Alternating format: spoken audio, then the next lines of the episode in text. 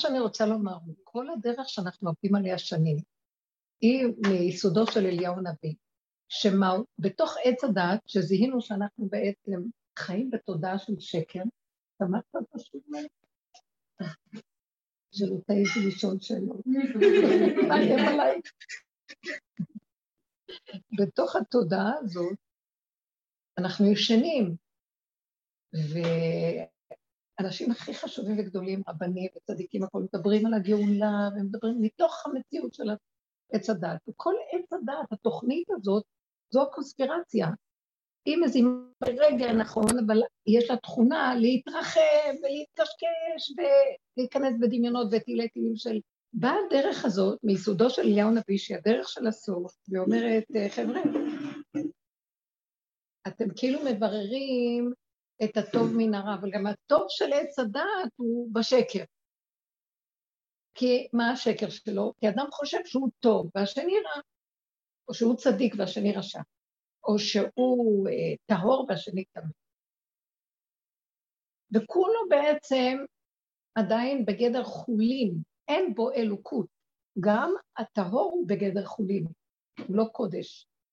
גילוי האלוקות לא יכול להתגלות פה בכל עניין הסוף של יאו נביא בא להגיד לנו, זה בוא נכין את עצמנו לגילוי האלוקי. אי אפשר לכדור הזה, לתודעה שבכדור, לקבל אור, ירידה של אור כזה של אמת ואלוקות, מבלי שהיא תעבור איזה הכנה ותהליך. אי אפשר, זה פשוט יפוצץ את הבני אדם. זה ממית. זה לא, לא יוכלו לעמוד באש הזאת, באמת הזאת, בתודעה הזאת, אם אין הכנה.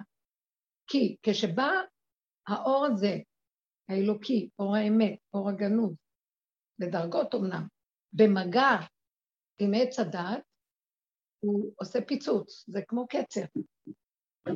והקצרים שאנחנו רואים, זה יורד כאן אור ומביא מחלות, מביא אה, חרבונות לעולם, כי העולם לא יכול להכיל אותו. הוא אור נפלא, הוא אור שנברא כדי לשרות על הבריאה. זה כמו גוף ש... שהנשמה מחיה אותו, אבל אם הגוף רקוב והגוף חולה והגוף הוא אה, לא נקי, אז האור הזה מפוצץ אותו. עכשיו, מה פירוש נקי? שאין בו תודעת עץ הדת. גם הצל של הדמיון, של החיובי, הוא גם עדיין שייך לעץ הדת. זאת אומרת, תחושת האני העצמית הנלווית לנו מכל דבר פה, היא חייבת להתפרק. אז בא אליהו נביא ואומר לנו, תתעוררו. אתם בחיובי, אתם במדרגות, אתם רוחניים, אתם צדיקים, אתם הכל. אתם בעצם לא באמת. הוא היה איש אמת, והוא הלך עד הסוף עם יסוד האמת. אז מהו האמת?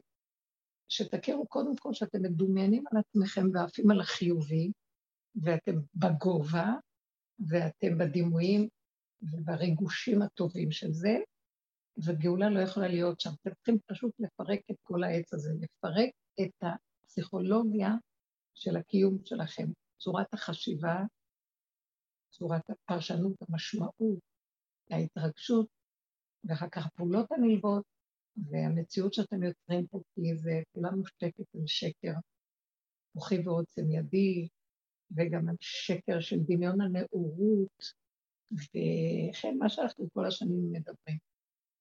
ואם כן התהליך, מה שאנחנו פה בדרך עשינו, שזה אתם שנים בשיעורים האלה, שמנו פנס בחורים ובסדקים על עצמנו. ראינו פתאום מצב אחר, שתודעת עץ הדעת היא מאוד שטחית וחיצונית, היא מרחפת. אז תמיד הבחוץ זה העניין שלה. היא פה, ותמיד היא דנה ושופטת ומבקרת, הכל ביחס, כל העולם נידון בערכים, הכל בערך וביחס אליה. זה נראה לי עקום, כי התפיסה שלי שצריך להיות כך וכך, ככה אני דנה את הדם. זה נראה בערך ככה. כן, וכן כל הדברים. אה, היום מדברים, זה יפה להיות גזעניים, זה לא יפה זה, אבל יש נטיות טבעיות לאדם, אינטרסים שוחדים שבאים מהתוואים שלו, שבאים מהקניין של התרבות, אה, איך שהוא התחנך והכול, והוא מאוד נגוע. כמה התורה צריך לתת אה, לנו הגדרה מה זה דיין ששופט דין אמת, שאין לו נגיעות עצמיות, שהוא צריך להיות אה, משולל מהשוחד, השוחד העצמי, מה... אה, אה, כתוב אה, שדיינים צריכים להיות אנשים אה, עשירים. למה? כדי שלא יצט... לא יתאהבו לממון. אני ראיתי אנשים עשירים שתן להם מאה, רוצים 200, ואין אדם בחצי כבתות. זה דבר מאוד קשה, שלא יהיה להם נגיעה, או זה נקרא גיבורי כוח, אנשי אמת, אה, יראי אלוקים, זה מילים מאוד מאוד יפות. הקיצר, בא אליהו הנביא, מראה לנו, אתם רק מדברים פה הגבוהה, כולו דיבור, כאשר בא ניסיון, מראה לנו מי אנחנו באמת. קשה לעמוד בזה, ואז אנחנו מתחילים להבין שהעולם הוא סיבה ומראה ומקל לראות את עצמנו. ואז אנחנו מתחילים להיכנס פנימה, ומה שאנחנו רואים. אם אדם רוצה אמת, זה לא צדק משמיים נשקף, להיות צודק ולהתווכח ולהתנצח ולצאת טוב. אנחנו מאוימים שאנחנו לא נראים טוב. המאוימות הזאת זה אחד היסודות הנוראים של עץ הדת, כי אני מאוים מהדמיון שלי שרוצה להיות על הגובה. וזה דמיון. אני מאוים מדמיון, מי שרוצה אמת, הוא חייב להבין שהוא מאוים מהדמיון של עצמו, הוא לא מאוים מהשני. שאני רק אשתף לו את המציאות של הדמיון שלו, כמו שהוא צריך לעבוד על השני שדיבר אליו ככה, צריך לראות את התגובה שלו מהדבר. היא תיארה עכשיו מצב של קנאה, שהם נשאו, הנה מצב, נתון, הם נסעו לחולי מאב, למשפחה שהם לא בגרושה. אז יש לאימא כאן קנאה נוראית. האבא זה לוקח אותם מחוץ לארץ, ו... אני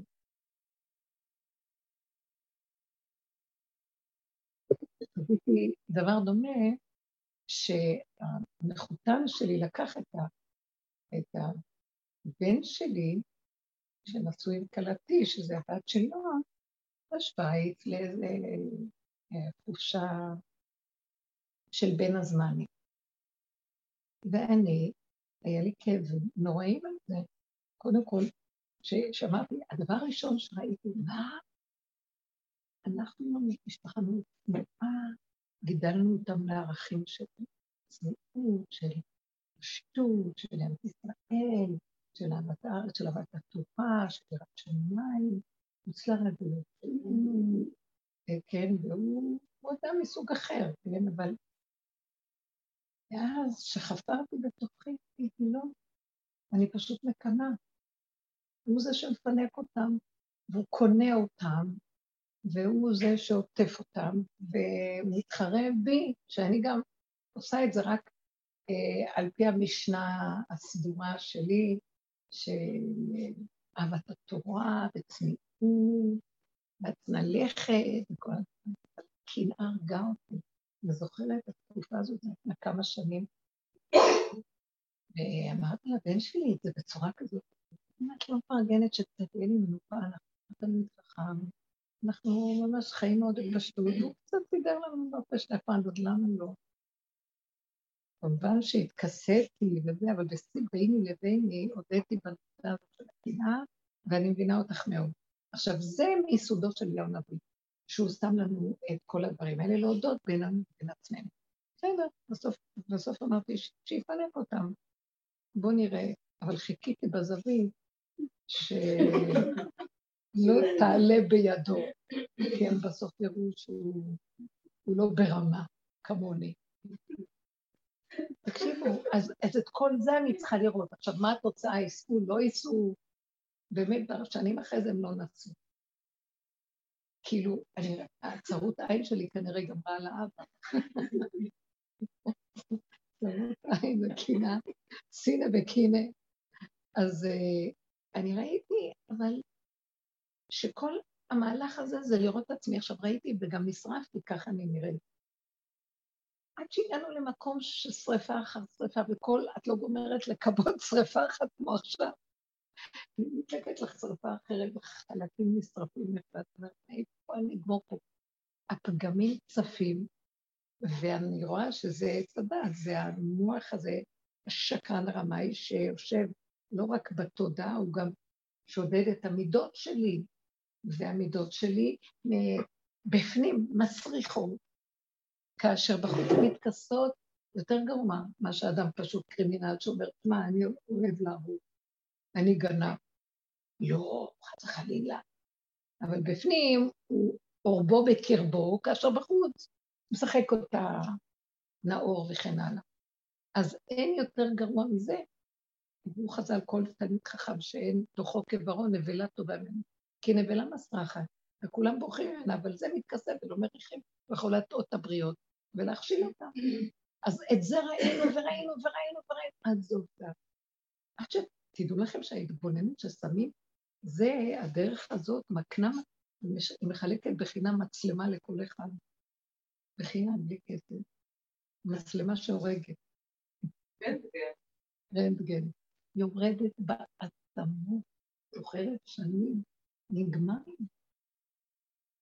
אחר כך היינו, למה נגמר? זה כאילו הקרבת הקורבנות על מזבח ההתנהלות וההכרה. אז מה גרם שנגרם? לא נגמר, זה האגו שלי נגמר. וכשהאגו נגמר, זה גמרנו על, על, על המציאות שלנו, כי כל המציאות שלנו זה אגו אחד גדול. אז בעצם זאת הייתה הדרך של לשחוט את האגו. מעט מעט אגרשנו מפניך, טיפים טיפים. למה עשיתי את פעולת הזמן?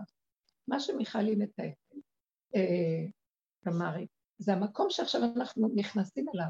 תדעו לכם, אנחנו בסוף, נגמרת העבודה הזאת גם. כי אנחנו נוגעים בגולם. אין סוף, המוח של עץ הדת הוא דמיון מאוד גדול, והוא חולש על שטחים נרחבים, האוויר, את יכולה לגבול? האוויר, המטוס באוויר, יש מלא אוויר, מלא נתיבים באוויר. וכל יום הוא יוציא לך משהו אחר יותר גרוע מהקודם, שכבר תשש מוכר. כלו עיניים, יחל לאלוקיי, עצמו משערות ראשי, ואני רוצה להגיד, די, אין לי כבר כוח, והם רק מתחדשים עליי למלחמה. זה, מי שמתבונן באמת, אין לזה סוף המלחמה. הגאולה לא תבוא על ידי מלחמה. חצי מהתהליך שלה אה, עבודת הכדור, לטהר אותו בתוך תודעת עץ הדת, זה מלחמה. מלחמת הטוב נגד הרע, מלחמת הנאורים מול אנשי החושך, מלחמת ה... כן, הצדיקים מול הרעים וכן הלאה. אבל כשיורדים לשורשים של התודעה, כולו רקוב, תיבת פנדור, הנחשים והקרבים, אין לה מאיפה תוכלי להפסיק את המלחמה. לא רק ראש עולה לך ראש אחר. לא חתכת עשרה ראשים, עולים חמש עשרה. זו תודעה שהיא יונקת מכל טיפה שאת נותנת לה חיות. היא אין לה חיות מעצמה, היא דמיון. זה עץ הדמיון. אבל הבן אדם עם הגוף שלו המגושם, כשהוא מגיב לה, מאמין למחשבה, ההתרגשות מושפעת, עכשיו היא מקבלת מזה חיות, יושבת עליו, יש רגע שאנחנו מתרגשים ממשהו, יש רגע שאנחנו לא מגיבים למשהו, הדעה לא תופסת לנו מקום, זה להישחט, זה להיות גולם גמור.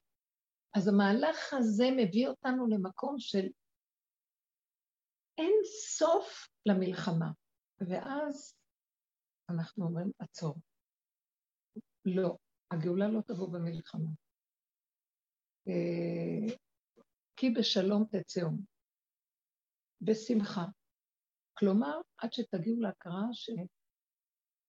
שהתודעה הזאת עשינו את העבודה שלה, התבוננו בה, החלשנו אותה, אבל בשנייה אחת היא קמה עלינו שוב, ולנו אין לנו כוח, להשם המלחמה, לעמך בירכתך סלע. אז רק אתה עכשיו חייב להיכנס לתמונה, כי לנו כבר אין כוח. אנחנו עם תודעת עץ הדת עבדנו מול עץ הדת, דומה ודומה מתקן כמו אמפתיה, והכנסנו בפגמים, כי בתוך הפגם יש נקודת אמת, וניסינו להוציא אותה. נקודה אלוקית שבויה שם.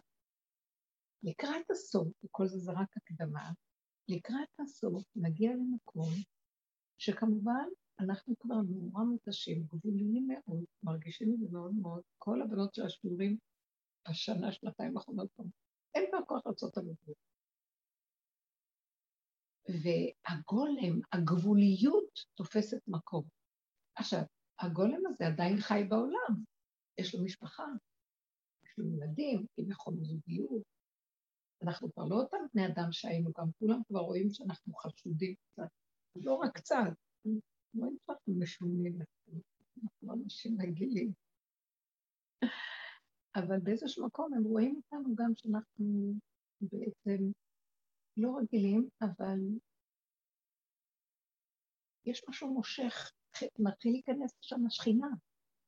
בגלל שאנחנו מפרקים את ההבלים, אז הם נמשכים אלינו ואוהבים אותנו, והשלום נכנס לבית, וכבר נמסו ויכוחים, והזוגיות הזאת של החוסר אה, הגינות, שאחד מנצל את השני בתת הכרה כדי לקבל את מה שהוא רוצה, מתחיל הכל ליפול, והכל נהיה יותר פשוט, ואתה רוצה, תעשה ככה, אתה לא רוצה, אל תעשה, זה בסדר גמור. אה, גם הצד השני כבר מתחיל לקבל, הכל הולך לרובד אחר. בכל אופן, הגולם הזה עובר דברים בתוך המציאות. עולה הקינה עוד פעם, כמו שעכשיו את מספרת. מה שאני רוצה להגיד וכאן זה התחלת השיעור. מה היה קודם בכלל? אנחנו עוברים לפאזה אחרת לגמרי, בתהליך כזה. מהו התהליך הבא?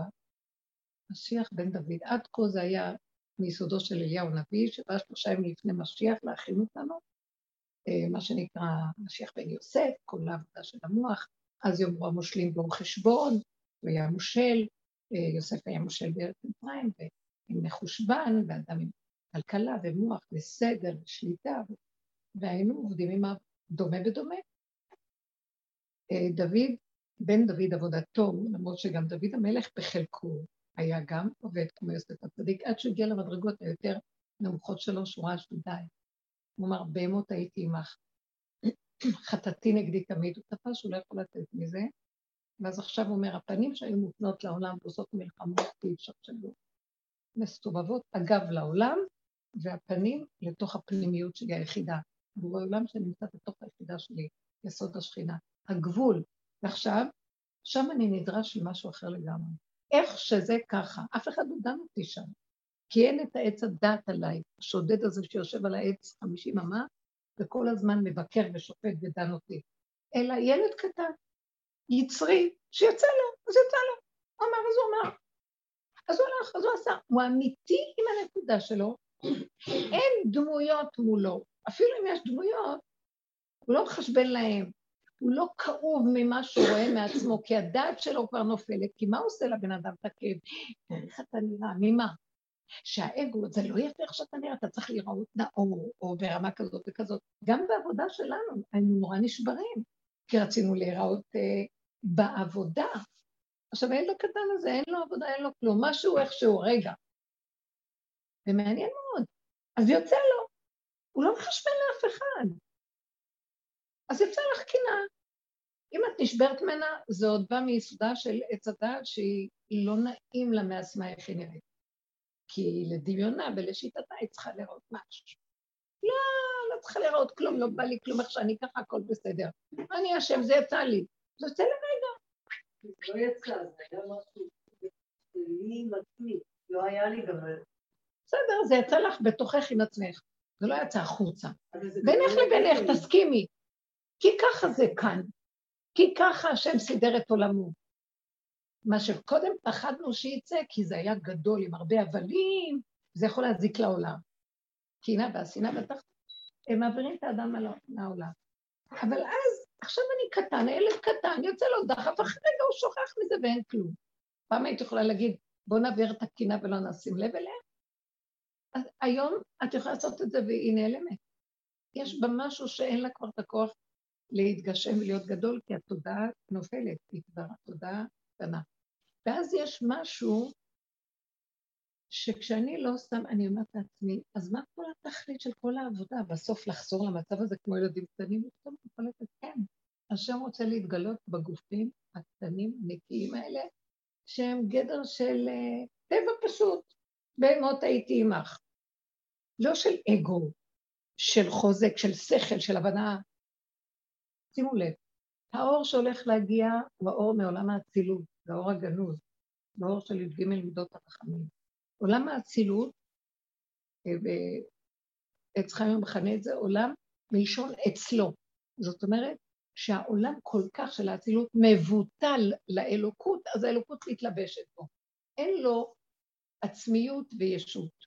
אז האור האלוקי מתקלל בו. אז הוא נקרא עולם אלוקי, לא מצד שהוא אלוקי, מצד שהוא נכנע לגמרי, ואין לו ישות של עץ הדעת. בעולם הבריאה, היצירה, זה עולם המוח, הדעת, עולם ההרגשים, שם התלבש כל היסוד של עץ הדעת. עולם העשייה, התוצאה יוצאת בעשייה, אם הראש מקולקל והרגש סוער, בסוף גם התוצאה תהיה כזאת במעשה. אבל אם כל עיקר העבודה שלנו זה לפרק את עולם הבריאה ועולם היצירה, את המחשבות ואת הרגשות, עולם העשייה, כשהוא נקי, הוא הבית של עולם האצילות. השם רצה להתגלות בעולם, חפץ השם שתהיה לו דירה בתחתונים. אז הוא רצה מהאור האלוקי הזה של האצילות, שהוא יתיישב בעולם האורגני, הגשמי, בעולם העשייה. העולם האצילות ועולם העשייה, יש להם זיווג. מפריע באמצע עולם הבריאה, ועולם, זאת אומרת, השכל והרגש מפריע. תזיזו את השכל ואת הרגש, יורד האור האלוקי ישר על עולם העשייה. האור האלוקי ירד על עולם השכל, הוא יפוצץ את השכל ואדם ימות ממנו. הוא ירד על הגוף, הגוף מכיל אותו. הבהמה מכילה את האור הזה. כמו שאומר שהיה נביא ידע, שור קונר. וחמור אבוס עליו עמי לא ידע ישראל. זאת אומרת שיש כאן יסוד מאוד מאוד מדהים, שמתם לב? הגולם, כל הבריאה מחכה לגולם הזה. כל העבודה שעשינו, והעבודה לא התחלקה מזה שאנחנו באנו לעבודה בשיעורים האלה.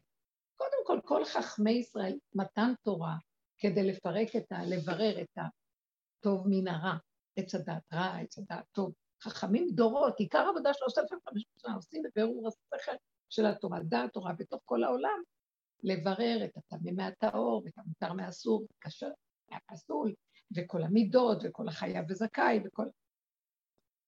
עד שבאה העבודה הזאת בסוף, בסוף, בסוף, ואומרת, גם זה, תדקדקו עד הסוף עם עצמכם. אל תספרו לי על הגאולה כשאתם עוד בעץ הדעת גנבים, אתם מטעים את הציבור, כי זה לא יבוא מהדעת. אז כולם פה מחכים, מתי תבוא הגאולה וכן הלאה. הגאולה, כפי שעכשיו אנחנו מקבלים אותה מהעולם, היא שמה, למעלה, גבוה, אור. אתם יודעים מה, מה הגאולה באמת? לפי האמת? גולם. טבע פשוט, נקי. הרמב"ם אומר, ימות המשיח, אה, עולם כמנהגו נוהג. אבל מה? נקי. אין בו את הרקורד של עץ הדעת במחשבה ולא בהרגשה. שימו לב. אז מה אנחנו מתארים כאן?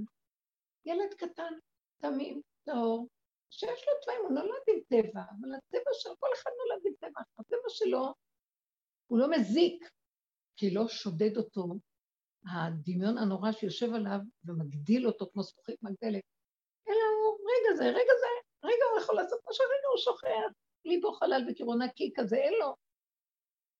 אדם כזה לקחו לו, קיצצו לו כנפיים בעצם לאנשים שעבדו בדרך הזאת, הם לא יכולים לעשות כלום, הם עייפים, הם תשושים, הם לא, לא, גם לא מעניין אותם. אין חשק לעשות כלום, לא מעניין אותם. אפילו לאכול כבר, הכל ירד, ירד. ירד לנו את כל התאוות הגדולות והדמיונות של המחשבות, המחשבות הגדולות של מדרגות ולהיות במדרגה כזאת. הכל נפל לי, מתה החשיבות שלי, מת לי הכבוד, לא מעניין אותי כבר כלום. בוא נגיד ביצירתיות שלי, אז אני יכולה לעשות משהו ביצירה שלי, פעם הייתי רוצה שיראו וידעו. אם אני אעשה לעצמי איזה משהו לרגע, אני נהנית וזהו. הכל קטן, הכל עצמי, הכל אמיתי, הכל לא משוחד ולא תלוי בדבר. כי זה נובע מתוכו מעצם נקודת הטבע שלו. אדם כזה, עולם העשייה שלו נקי. הוא לא רץ לעשות חסד כי או, יש לו אורות במוח וכתוב לעשות הרבה, הוא עושה לפי הסיבה, הסיבה מניעה אותו, הוא בעצמו נהיה גולם שלא מעניין אותו כלום. אבל באה הסיבה ומזיזה אותו, או בטבע שלו יש נטייה מסוימת, אז הטבע שלו יגיב ככה. אחד יגיב אחרת לסיבה, כי יש לו טבע אחר. האדם הזה מסומן אצל השם. הוא רוצה אותך, הוא לא יכעס עלייך על הטינה שעוברת. כי גם היא תעבור והיא תיעלם מהר.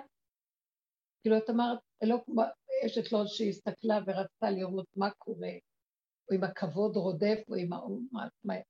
לא מעניין, לא חשוב כלום. רגע היה ככה, רגע היה ככה. זה מקום אחר לגמרי. אנחנו לא מאבדים את האנרגיות שם, כי כבר אין כוח לכלום. המקום הזה, העולם עכשיו עובר למקום הזה. הכל חוזר להיות פשוט, קטן, מרוכז, כל ההבלים והגדלות של העולם, הנאורות, וכל התרבות של הווירטואלית הזאת, של כאילו משהו, הכל מתברר. אלה שעובדים בדרך, הם מפרקים את העולם, אם אתם שמים לב, טיפין טיפין. הצטמצמנו פנימה לתוך הנפש. ברגע שהצטמצמנו ואנחנו לא נותנים לו אמון, אנחנו לא מאמינים במוח הזה ולא מתרגשים ממנו, לקחת ממנו את החיות. הוא מתגלה במערומיו. איך נחפשו עשיו? נתגלו מערומיו. נבעו, הכל נובע ורואים אותו, מי הוא. דמיון אחד גדול, ישות ואגו אחד גדול, אין בזה כלום. אז לעתיד לבוא, כל מה שקורה שמתגלה כאילו קונספירציה של העולם, ואתם מתחילים לצאת, ואומרים, וואי, תראי, איזה רמאים, הם תמיד היו רמאים. תודה, תודה, תמיד רמאית גנבת, היא הכל ממנה, כל הצרות שבעולם. היא מסתירה את האור האלוקי, היא מדמה את עצמה למשהו, והיא שודדת את הבני אדם ושמה אותם או בגובה הרוחני, או שהם צריכים להיות הקרימינלים הדיקטטורים של העולם. נכון שהרוחניים ואנשים יותר חיוביים בעולם יותר טובים לעולם מאשר הדיקטטורים והאנשים הרעים. אני אגיד לכם את האמת, הם מפריעים גם לגילוי השם. ביחס לעניין הזה של לתת להשם להתגלות, שהחיוביים לא יחשבו שהם במקום יותר טוב. בגלל שהם נגנבים מעצמם שהם טובים, וזה מעכב את הגאולה. כתוב שאליהו הנביא יבוא להחזיר את הצדיקים בתשובה, לא את אלה שהם אומרים אנחנו כבר לא. זה כבר אה, הצדיק, הם יחזירו, הצדיקים יחזירו את הרשע. אבל את הצדיקים יחזיר. האמת, אליהו איש אמת, אבל אתם לא מציאות בכלל, אף אחד לא קיים כאן כלום. ואם אה, חכמת, חכמת לך, אז על מה אתה מתגאה בכלל?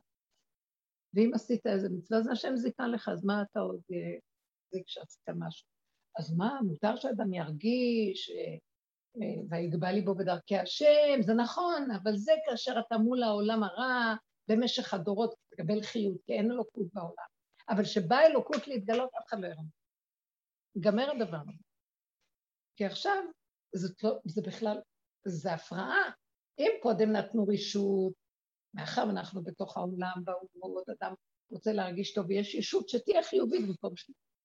אבל מול בורא עולם שרוצה להתגלות, אפשר להתיר כאן משהו כזה? טוב, מסכן, בוא נתן לך קצת ישות, ממה תחיה? מהאור האלוקי תחיה, מעצם זה שאתה מחזיר, שהכלי שלך זוכה להיות המקום לגילוי שלו. מה, מה אתה לא משהו? תגיד תודה. שאתה הופך להיות משכן לשכינה. זהו. אז לכן היסודות עכשיו של העולם הם משהו אחר. קטן, פשוט, שישאר השלילה, שישאר, ואמיתי, אמיתי, אמיתי.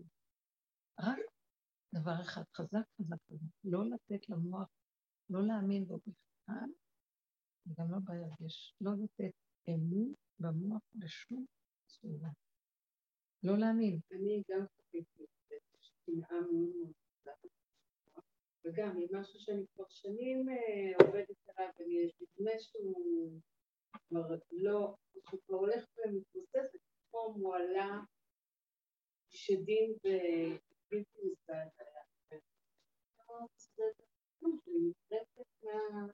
מהתחושה שעוברת לי, שאני מקבלת רע, אדם יקר, כאילו יקר, כן, זה קרוב, שאני, לא באמת מאחלת טובה. קנאה זה מה שיוצא וגם אם כל הזמן אמרתי, די, זה אם אני, לא מסוגלת להתמודד עם הדבר הזה. וזה היה ממש, גם שם אתה צריך להפעיל את השריר הזה, כאילו, זה גם מתיש אותך, אבל זה גם מחריף אותך.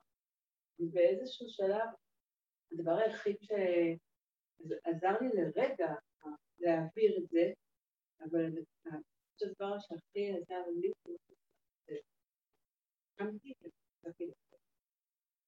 לטבע. פעולה מעשית פשוטה. שזה אמפירי, כאילו הייתי אמורה בכל מקרה, יצאנו בכל מקרה לאיזה טיול, ובכל מקרה שיש לי איזשהו שקט מהרגע שאני... מעשה פשוט של הסחת הדת מהדבר. עכשיו זה זה, זה, זה מה שנשאר.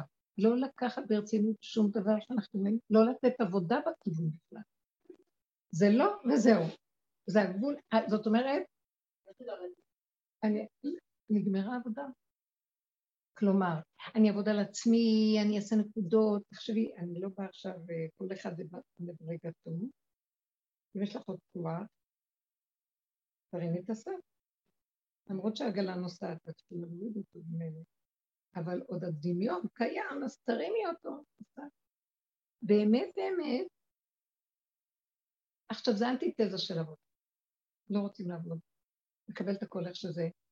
מעבירה מיד את המוח מהמקום של אוי, ואני אכנס בו, ואני אתחיל לחשוב מה היה, לא היה, כן היה, איך אני אעבוד עם זה, איך אני אכניע את זה, איזה אסטרטגיה אני אעשה, כלום, כלום, כלום, כלום, ככה וזהו.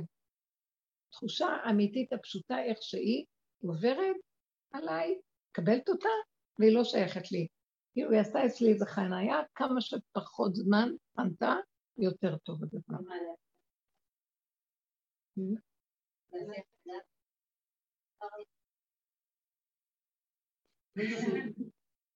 תקשיבו, אני רוצה להגיד משהו.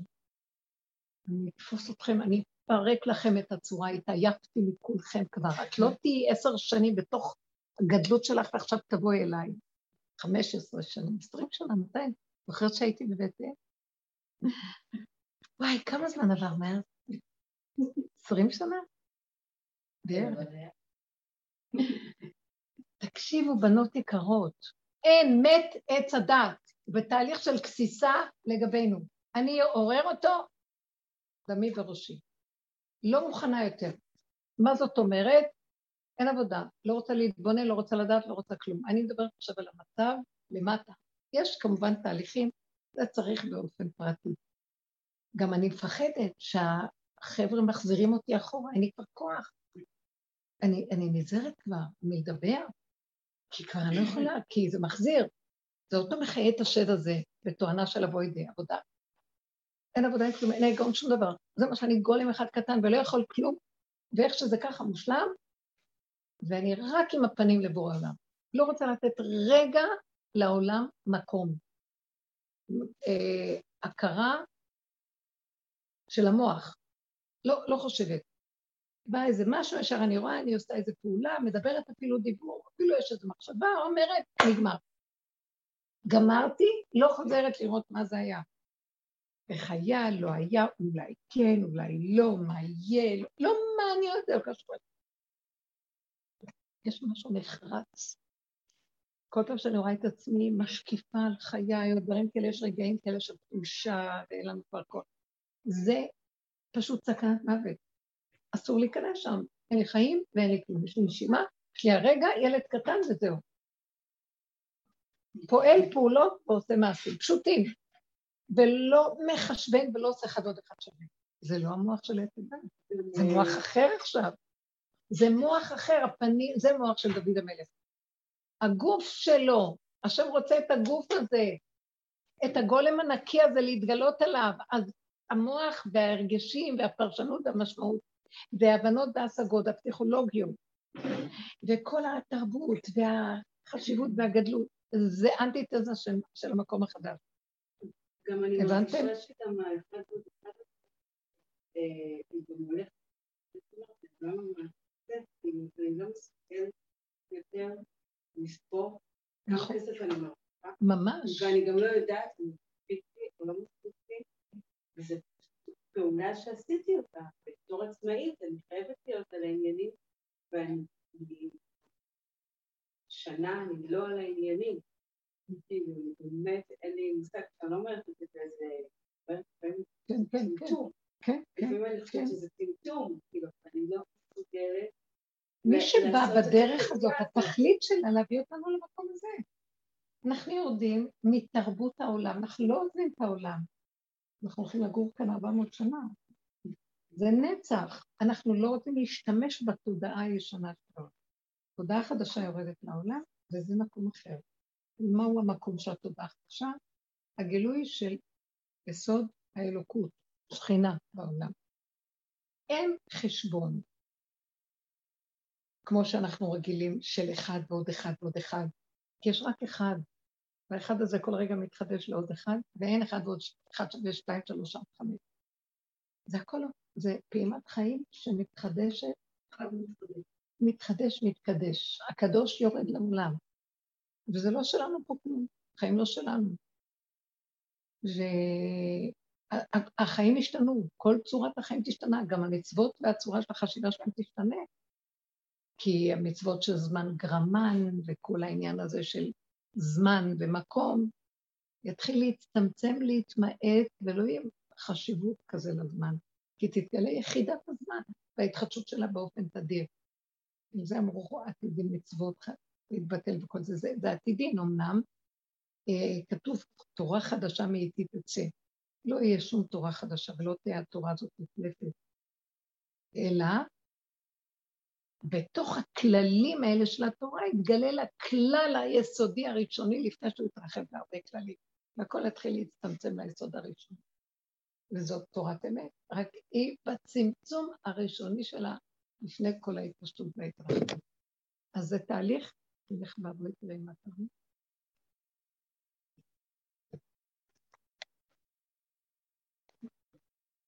זה תהליך שעכשיו חוזר. התהליך הזה עכשיו, אנחנו צריכים גם כן להיות קטנים. הגוף הוא הכי מתאים לזה, כי הגוף קטן, אין לו דעת, הוא לא יודע אחד ועוד אחד. המוח אומר לי. הוא לא יודע, הוא חי את הרגע. אתם יודעים איזה הקלה זאת?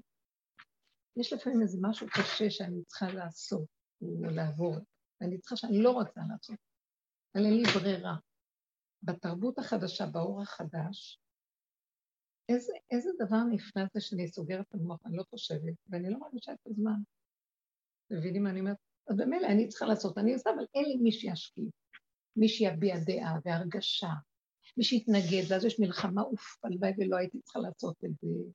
אני עושה. ולא זוכרת את הרגע שלפני, והרגע שאחרי, ולא, ואין כלום. וזה דבר מדהים. כל האיסורים נגמרים פה. כי אני לא יודע, אני עושה הרגע, אבל לא יודע. וזה לפני הרגע, זהו. גם אף אחד לא יכול לעמוד מולי ולהתווכח איתי, כי אני לא. נקודה, לא. היי. אין לי טענה לאף אחד, אין לי שנאה ואין לי כעס ורוגז, כי אני לא. גבול, הגבול מדבר. הגבול הוא מדהים, הוא מביא שלום הגבול. כי השני חסר אונים. הוא ינסה לריב איתה, אבל את לא עונה, כי אין לך קליינט פה. אין לי כוח, לא כלום. ככה זה וזהו, אתה לא רוצה, לא צריך לעזוב. נגמר כבר להתווכח, לריב, להתנצח, ויכוחים באים למוח. הוויכוחים באים מאפשרויות, ריבוי האפשרויות. אצל הגולם אין ריבוי אפשרויות, יש רק ככה ברגע אחד ונגמר. זה מתחיל להיות חיים מסוג אחר, ולא חסר דבר. המוח מתקטן ומתמעט לתוך הבשר, הגבול בבשר מאוד מוגדר, אז ממילא כל האיסורים אנחנו רואים שהם באים מהמצוקות, מההתרחבות והאפשרויות, והיה יכול להיות ככה, והספק, ואולי, ואבל, כל התרבות של המוח הזאת, שהגדרנו שרק ממנה האיסורים. זה הולך לרדת ולפני. אין לי כוח גם להכיל את הכאבים, אין. נהיינו כל כך חלשים, שאין כוח להכיל לא כאבים פיזי ולא רגשי ולא נפשי ולא שום דבר. לא מופעל מזה. הופך להיות הכל. מה יכול להיות? 90 אחוז מההתעניינות הקודמות נופלות, ולא חסר דבר. ואת אומרת, בתכלס, איזה נצח היה להם, מה יצא לי מהם כל החיים? הם העבירו לי את החיים איכשהו, אבל זה לא נקרא. חיים אמיתיים זה, כמו שבתורה אנחנו אומרים, אה, העיקר זה התורה, המצוות, המעשים הטובים, שכל הנכון, אבל פה זה אפילו עוד יותר. זה אפילו זה לא המצוות, המעשים טובים, השכל נכון. זה באיזה דרגה של אמת יש במעשה הנכון, באיזה דרגה של אמת יש בשכל הנכון. באיזה דרגה של אמת יש בתורה שלי, וזה נקרא נצח אמיתי, זה חיי נצח, כי גם זה כבר התבלבל. נכון, יש מה שמ... נכון, זה יותר טוב מאדם ש... נכלה את ימיו בלי. אבל הרבה פעמים כשאדם בא, אחרי מאה ועשרים, ושוקלים ומודדים, כל התורה והמצוות והכול, מתחילים לנפות ולנפות. יכול להיות שבסוף יצא איזה קומץ שהוא, יש בו אמת. וכל כך הרבה דברים פה בעולם גונבים אותנו, שזה מאוד מאוד קשה. ובעולם של אמת שוקלים בעיניים של אמת, לפי דין אמת. אז הדרך הזאת מביאה אותנו לדיוק הזה, חשוב. זה דבר נפלא, פשוט. אפילו פחד ממה יהיה אחרי כן, לא אחרי, הכול נגמר, כי אני לא יודע כלום. גדול עליי, לא עליי המלאכה לגמור, אני בן חום בבתי ממנו, פשוט, מדויק. ילד קטן שמח בעולמות ומכיר טובה. זה כל תכלית בריאת האדם והעולם. שחפץ הקדוש ברוך הוא שבני אדם ייהנו מהבריאה שלו ויכירו מי זה שסידר להם את הטוב והשפע ויודו לו, זה הכול, זה כל הסוף. מה, מה את אומרת?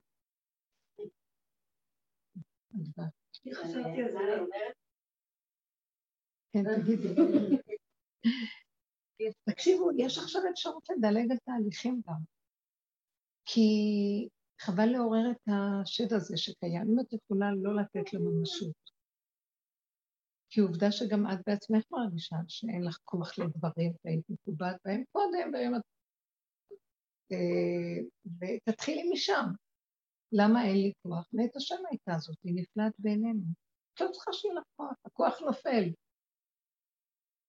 הם יצאו ממצרים שהייתה סוגדת לכוח, לטלה, שמסמל את הכוח. ויצאו משם ועשו רק כמצולה שאין בה דגים. הוציאו ממנה את הדג מסמל את החיות. הוציאו ממנה את החיות. כמו שאנחנו הוצאנו מתודעת את החיות, היא מתגלה במערומיה, אין בה כלום. מתה. בסוף מצרים נשארה מתה. יצאו ממנה החיות, יצאה. אז אותו דבר גם אנחנו מוציאים מהעץ הדת החיות שלו. לא צריך כלום. שערו עם הנקודה של האמת שלכם, ואל תיתנו לתרבות הזאת ממשות של קיום. זאת אומרת, למוח, למחשבות. תנו איזה דוגמה.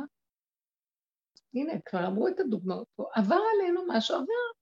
אני לא הולכת להתבונן בו או לפתוח אותו. פעם היינו שמים פנסים עליו, פותחים אותו, נוברים בו, מחטטים במנגנון של עץ הדת. נכנסנו לסטרה האחה של עץ הדת. לא פשוט מה שעשינו. אה, איך אומר הזוהר הקדוש? זה שכל העולם נברא כדי ש... שזה ש... שחי, עובד בטוב, נכנס להכיר את הרע, ומשם הוא יוצא ממקום שהוא רואה, הוא מכיר כבר מה זה הרע של, של הטוב כביכול, ועזב את שניהם. בזוהר הוא כותב את זה. כל התכלית של העולם זה לרדת למקומות האלה. תקשיבו, הייתי חושבת, מה קרה לי? לאן אני הולכת? לאיזה איזה סוג של אנשים אני פוגשת? מה קרה לי? ישבתי במקום אחר, גם עברתי תהליכים עם עצמי, שהיהדות רקדה לי בתוכי, כי היה הרבה בירור פנימי, זה לא משהו מקובל, ואז מקובל לא מקובל, תחפשי, תבררי, תנפי בשלוש עשרה נפות האמת, איפה האמת? בתוך כל מקובל, לא מקובל, מנהגים והגיהנום של המנהג. זה לא, זה, זה תהליכים מאוד לא פשוטים, שבסוף את מחללת את כל ה... ימותו כל מוסדי הארץ, הממסדיות הפנימית של הדת, כמו שהיא בנויה אצלנו, ונשאר לך קומץ של אמת של הדת, חוקיות אמיתית, תורת אמת נקייה, זכה, כשהנגיעות שמה, הכל הולך ומתפרק, ונשאר אמת, זאת התורה. אדם כימות באוהל, מתים, את ממיתה את כל הגדלות והרחבות וכל השקרים. בסוף, אז הרבה דברים נופלים, ואפילו אם... ואז יכולתי להעריך אנשים בחוץ שאפילו, שאין להם תורה, ואני רואה בהם יסודות של אמת. ויכולתי להכיר הלוואי, ואני גם אזכה לזה ולזה, זה כבר לא היה כל כך ברור שאני יש לי יותר וזה יש לו פחות. האמת היא מדהימה, היא ברור מדהים, אי אפשר לעבור לתהליך הגאולה בלי לעשות את הדברים האלה. כי הגאולה תראה לנו את האמת. אוי לנו מיום הדין והתוכחה שיפתח הסתום ויסגר הפתוח, ואדם יראה, לא יוכלו לעמוד בזה.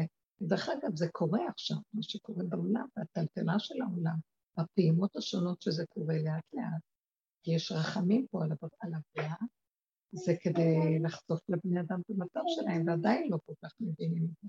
זה מאוד לא פשוט. וגם אנחנו בתהליכים האלה של העבודה ממש עברנו, אני הגדרתי את זה, היינו במקום של באמת ומחייב.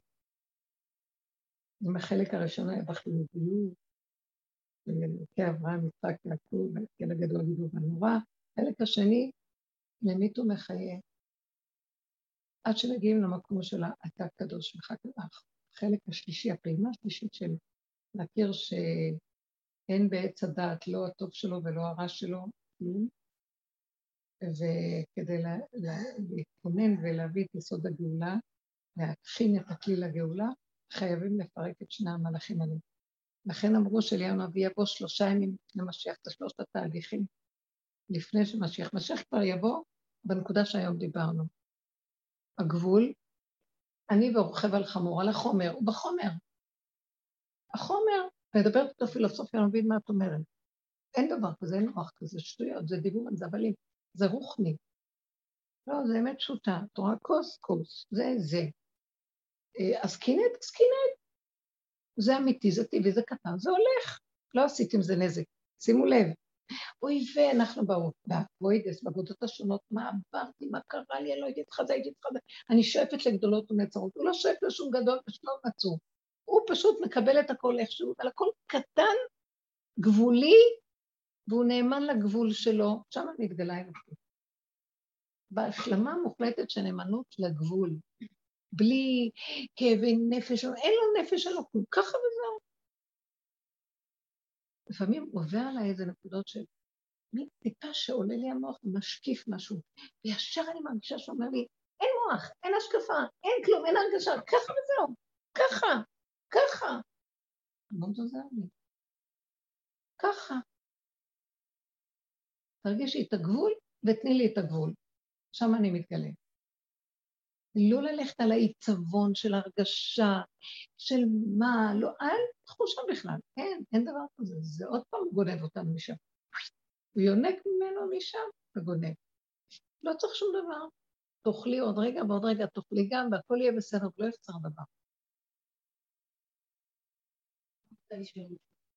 כן. אפשר כוס מים אולי? הקדמה קצרה, אני מבינת את שנתיים בדבר. גלגלתי לשם. בתחילת השיעור הזה,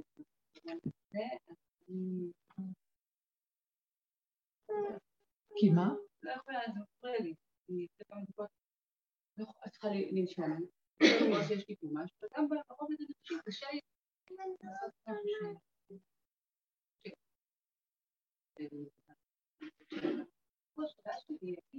מרשים לך שם? אז תודה. עד השבוע, כן, לא מדברת איתי.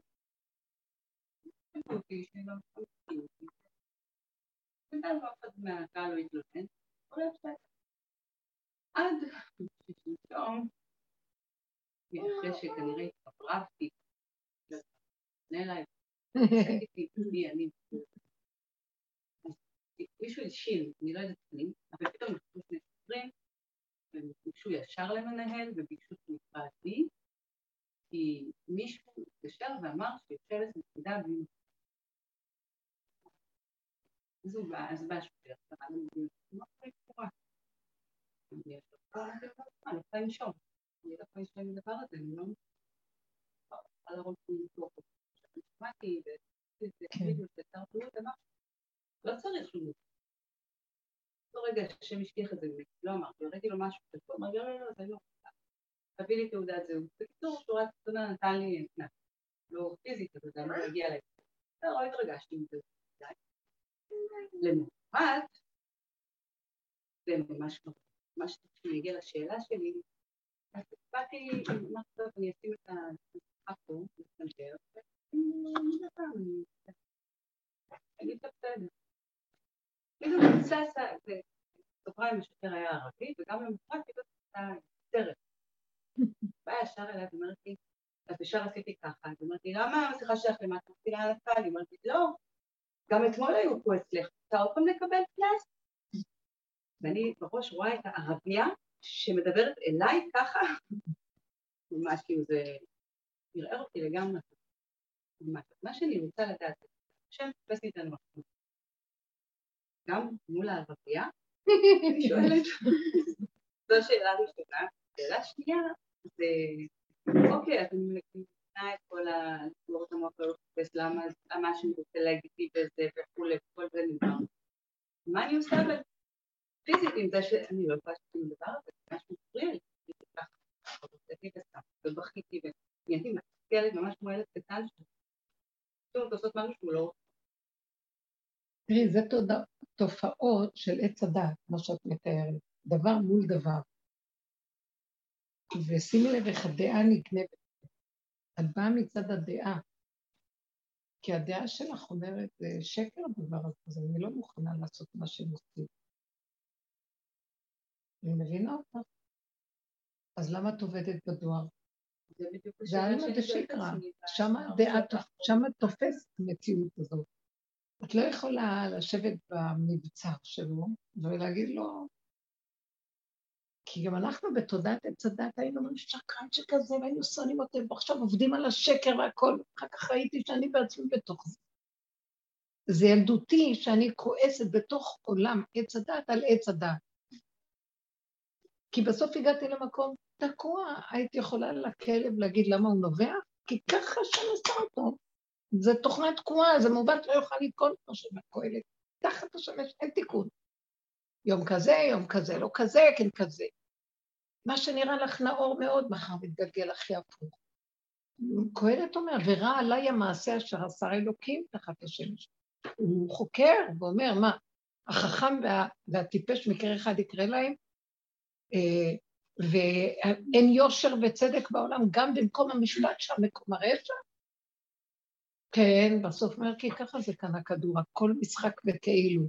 כאילו נאורים, כאילו יש שם משפט. מה יש לנו פה הבג"ץ? איזה משפט? צדק, יושר, מה? כל אינטרסים וגנבות דעת של דמיון עץ הדת, שעושה את עצמו כביכול נאור, וכולו מלא אינטרסים וגנבה. הוא לא, יש לו אמת, שיחפש גם את האמת לאמיתה עליך. אז אם כן, אני בעצמי גם במקום הזה שואל את עצמי. ואחרי הרבה פעמים וכל אלה צועקים קונספירציות, אולי עשו לנו את זה, מה הם יגידו מה לעשות, ובשיחות, שקרנים, רמאים. ברגע שאני מגיבה ברמה הזאת, אני נותנת להם כוח, קודם כל לתפוס אותי, כן. וגם להמשיך אה, לחדש גזרות עליי. כי ממני הם יונקים, ההתנגדות הרגשית שלי הם יונקים, ממני עלו. הם פגר מובס, הם לא כלום. אז אם כן, אל תתני להם שום משמעות. אז מה נשאר לעשות? אם את כבר עובדת שם בתוכם, לא אכפת לי, זה לא משנה, באמת. תלכי תעבדי, אה, אני סוכנת כולה, מי שמשלם יותר, אני עובדת שם. אבל צחקי את המשחק שלהם.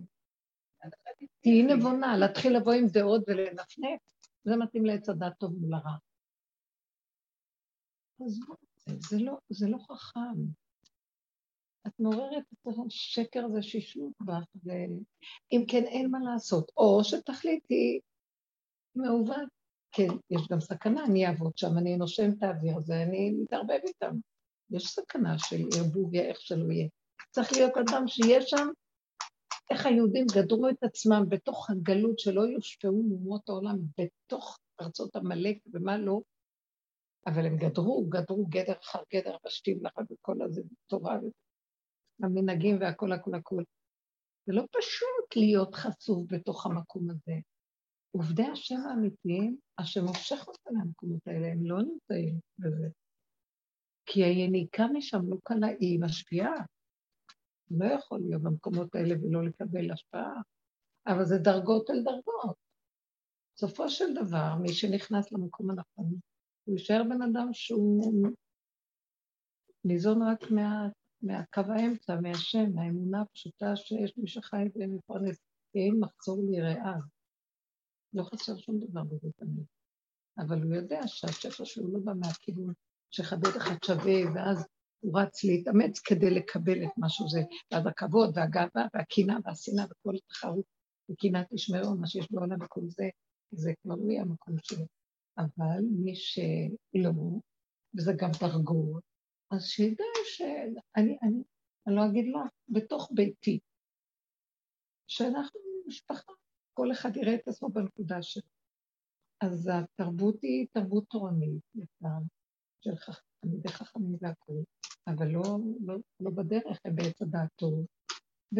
ועם כל הדיבורים וכל השנים, ובאמת את רואה שיש השפעה, עדיין אני מסתכלת ואומרת, הם הלוא בלעו אותי, כמעט הרגו אותי חיים משפחה שלי, שאני אגיד את הדיבורים שלי, ובסוף אמרתי, אבל אחר כך הייתי טיפשה שאת אומרת. מה את אומרת בכלל? כאילו, רבים מול יחיד, הלכה כרבים, הם לא מוכנים, הם רואים לא, כולם התחסנו, כולם, לא כולם, אבל זה אין ברירה, מה, מה, מה, הם באים בעולם, ואיזה מתוקה, והם, מקצינים, אנשים מדהימים, אבל אני ראיתי פתאום, ועוד שמישהי התרברבה אומרת, תשמעי, אני איתך בדרך לגמרי. את רואה, אני גולם. אני לא יודעת, מה שאומרים לי אני עושה. ואז היא הלכה להתחסן, כי הייתה צריכה ללכת לעבוד עם הבחירות, כדי לקבל אה, בערב אחד 1,500 שקל, שזה, שזה משמעותי. היא רצה להתחסן מיד. לא חשבה אפילו פעמיים.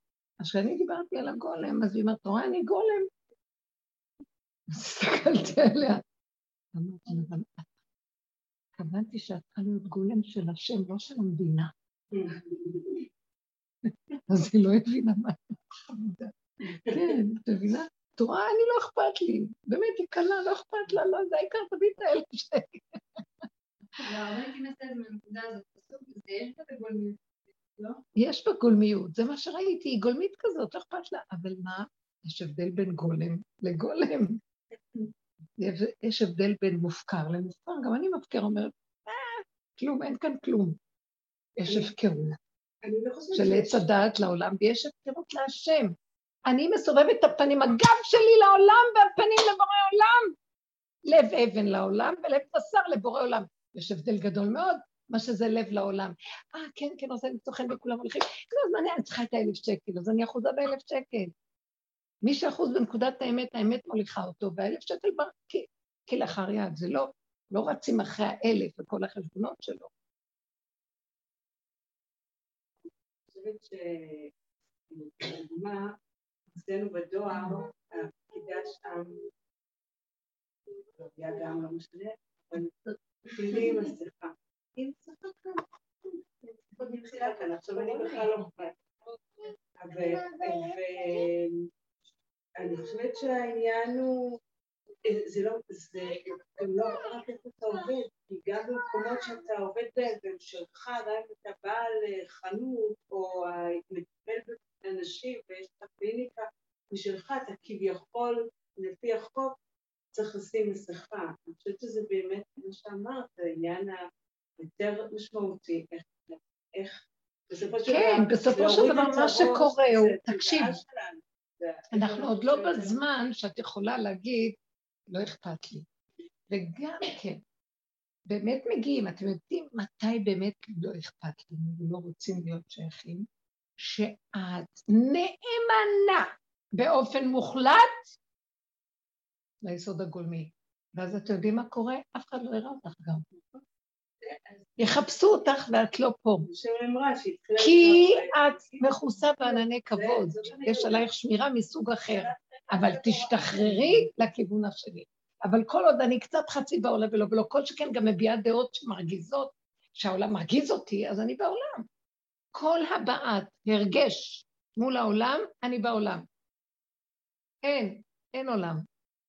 את מבינה את הדרגה הזאת? זה המקום שאנחנו מנסים להגיע אליו עכשיו. עכשיו זה המקום, אין עולם, אבל בצורה חזקה, אין עולם, אין משוא פנים. האומר לאביו לאמו לא ראיתי ואת אחיו לא הכיר ואת בניו לא ידע. כי מצוותיך יצורו, אה, חוקיך ישמעו, מצוותיך ינצור. אלה ישימו כליל באפיך, וזה על מזבחיך, תורה על מזבחיך, מזבחיך. זאת אומרת, מה רוצה להגיד? אלה שהולכים עם נקודת האמת עד הסוף בפניהם לבוראם, לא רואה לא אבא, לא אימא, לא סבתא, לא דודה, לא למה ככה, טוב, מה אני אעשה, כן אעשה, אין לי ברירה, לא ברירה. אלו הולכים באמת אחרת. אבל אנחנו בתוך העולם, עד שלא הגענו למקום הזה, מה את עוד מתגרה לך בשוטרת ועוד תבוא לך הרבה? אה? לא התגרית בעצם זה שאת לא שמה את המסכה. ואליבא דאמת, זה גם קצת, זה יש בזה משהו שאת הולכת עד למעוז של העולם, ובאים אנשים, והם מבוהלים, וזה לא פייר להבהיל אותם, זה לא, לא הגון. אבל אם היא הייתה באיזה תודעה אם היא הייתה באמת אה, מחויבת לנקודה שלה, אבל רק בגולם, יכולים להיכנס אלפי אנשים, אותה. זה מה שאני אומרת, את רואה? עלה לך הגנב למוח והשקיף. מי זה משקיף? כל השקפה לרעה, חוץ מהשקיף השם. השקיף לה אני שלה שישב לבטח, והתחיל לעוף על עצמו, מה שנקרא, ונתפס על פעם. זהרו מזה. מעצמי לעצמי אני לא רוצה לדעת. מילי בלפומלו גליה. אני מתה מפחד מעצמי. השט קופץ לי כל הזמן, אומרת, לא, לא, לא היה, לא נברא, לא שמעתי, לא ראיתי. זה התאמנות דקה מן הדקה להתהלך ולהתהלך ולפרק את עצמי. לא את העולם, בכלל אין לנו כאן מלחמה מול העולם, העולם הוא רק המראה והמקל שלנו. מי שהולך לדרגות הפנימיות האלה, אהבת את זה, השטיח לעלות, זה הכבש שעולה לכדור חדש. מה? עכשיו זה תקופה שאפשר באמת לראות את זה נורא נורא חזק. טיפה, זה נכנס לבידוד, זה אה, נפלא, זה כאילו, בדיוק מה שקורה. אתה רואה? אתה צריך לדעת לא להגיד, לא לשמוע, לא לראות, לא לזה, לא. זה מוחשי בצורה החיצונית של הדוגמאות החיצוניות, אבל זה בנפש הדבר, בדיוק אותו. זה הדרגות של אנשים פנימיים, איך שהם עובדים באמת. זה עבודת דרכם. דווקא במילה מלחמה יש מילה רכב.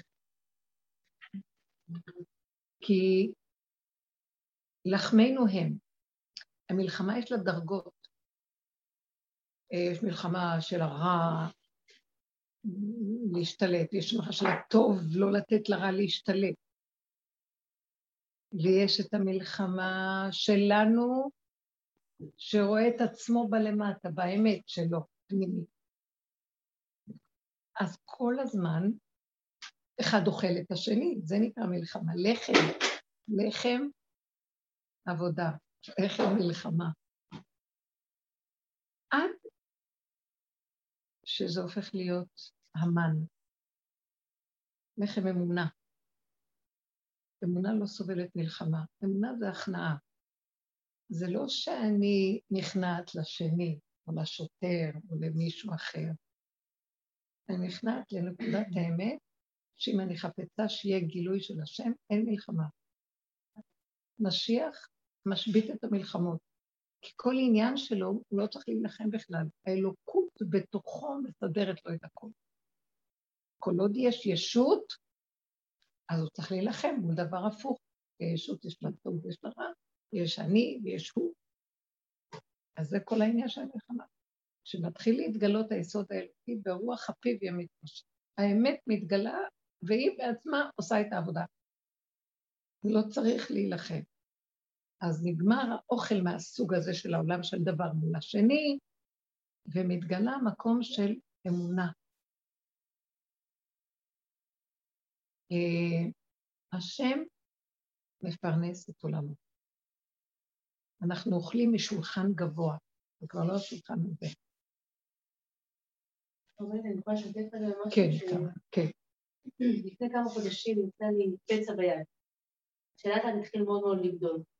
ניסיתי להתעלם ממנו, רציתי גם לשרוף אותו, עם כל מיני דברים טבעיים. אה, ולפני שבוע אה, הלכתי רק שיחבשו לי, כי כבר זה היה בלתי נסבל. ואז הלכתי ככה לקופת חולים שיחבשו לי, והרופא שם נלחץ, התחילו להכניס נורא, התחילו להריץ אותי, לראות מה זה, באמת. ואני אמרתי לעצמי, ממש פחדתי, רק לא להתערבב, לא להתערבב, ככה ממש את ההבנה, מה שאנחנו מדברים. ואני יש לספר את זה, היה לי שבוע ברוך השם. בקיצור, ואז התחילו לטלטל אותי, ממקום למקום. שלחו אותי לכפר סבא לצילומים, ההורים שלי ככה נורא נקפצו, התחילו להיכנס לעניינים, להפעיל קשרים וכאלה.